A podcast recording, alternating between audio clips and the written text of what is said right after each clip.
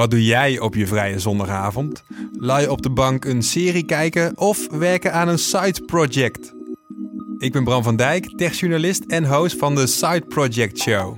Een podcast over moderne uitvinders en hun techprojecten. Het is een soort van tijdsverdrijf voor mij en leuke dingen. En ik leer er ook enorm veel van. In de Side Project Show ga ik iedere aflevering op bezoek bij een IT'er met zo'n bijzonder techproject.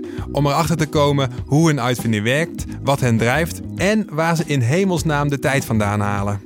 Zo bezoeken we in aflevering 1 Dennis die een slimme spiegel bouwt. Wat ik wil gaan doen is dat zodra je er voor langs loopt, de spiegel oplicht en eigenlijk tekst door de achterkant van de spiegel heen schijnt. En in aflevering 2 vertelt Bastiaan ons alles over zijn high-tech brievenbus.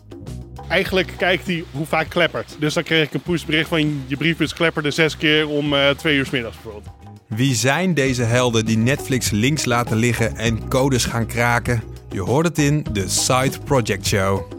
Luister nu in je favoriete podcast-app of via abnamro.com slash sideprojectshow.